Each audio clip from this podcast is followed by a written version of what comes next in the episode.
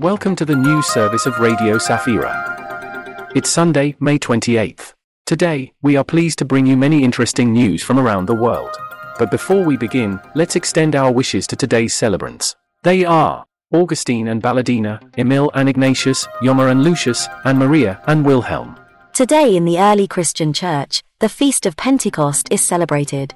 At the parish of Paul from Tarsus in Warsaw, the text from the first letter to the Corinthians was considered. It is chapter 12, verses from 3b to 13. In the sermon, it was emphasized that all Christians are part of the one body of Christ. We should strive for spiritual unity and respect the diversity of spiritual gifts. Unity is achieved through mutual complementarity, service, and love for each other. Now let's move on to our historical kaleidoscope. On May 28, 1599, the Vilnius Confederation was established between Protestants and Orthodox of the Polish-Lithuanian Commonwealth.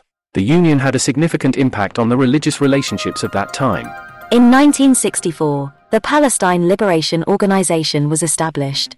Since 1994, Israel has recognized the PLO as the sole representative of the Palestinian people. Meanwhile, on May 28, 1957, the premiere of the film, A Face in the Crowd, directed by Elia Kazan took place. This film presents a critical portrait of the phenomenon known as media-driven celebrity. The film was ahead of its time, anticipating the impact of television and media on people and politics. Birthday calendar.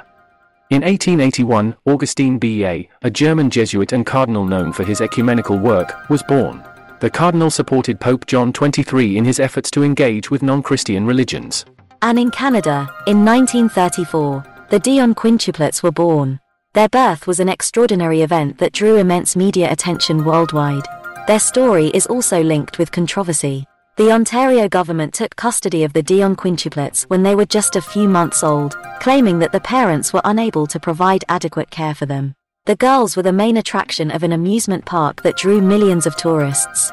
The government's actions sparked huge controversy and criticism for commercially exploiting the children. In 1998, the three surviving sisters received compensation of $4 million from the Ontario government for their difficult childhood. We move on to the current news from Poland. Today in Lublin, the sixth edition of the Evangelical One Organ Festival titled Music Beyond Denominations is taking place.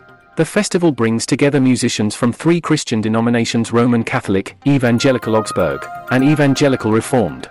Such an event is proof that music can serve as a universal language transcending religious boundaries.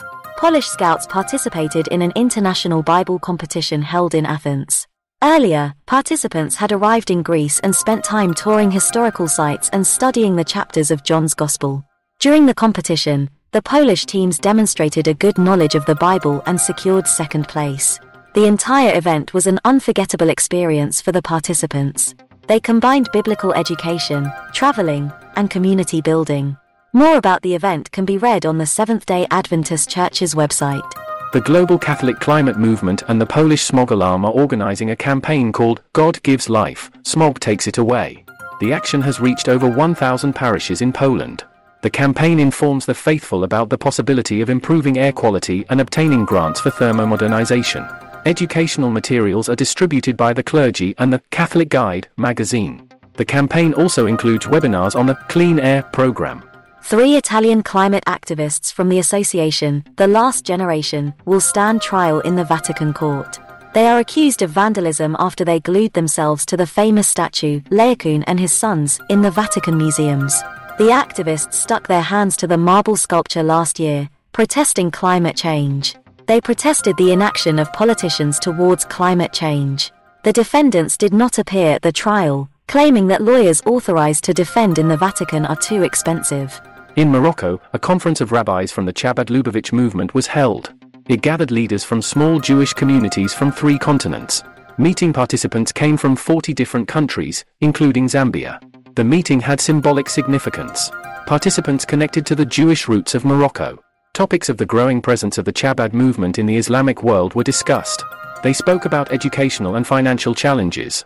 The most important aspect of the conference was the establishment of bonds between participants. An ancient manuscript of the Hebrew Bible, the Sassoon Codex, was sold for a record $38. 1 million at Sotheby's auction in New York. The buyer is the organization American Friends of the ANU, Museum of the Jewish People.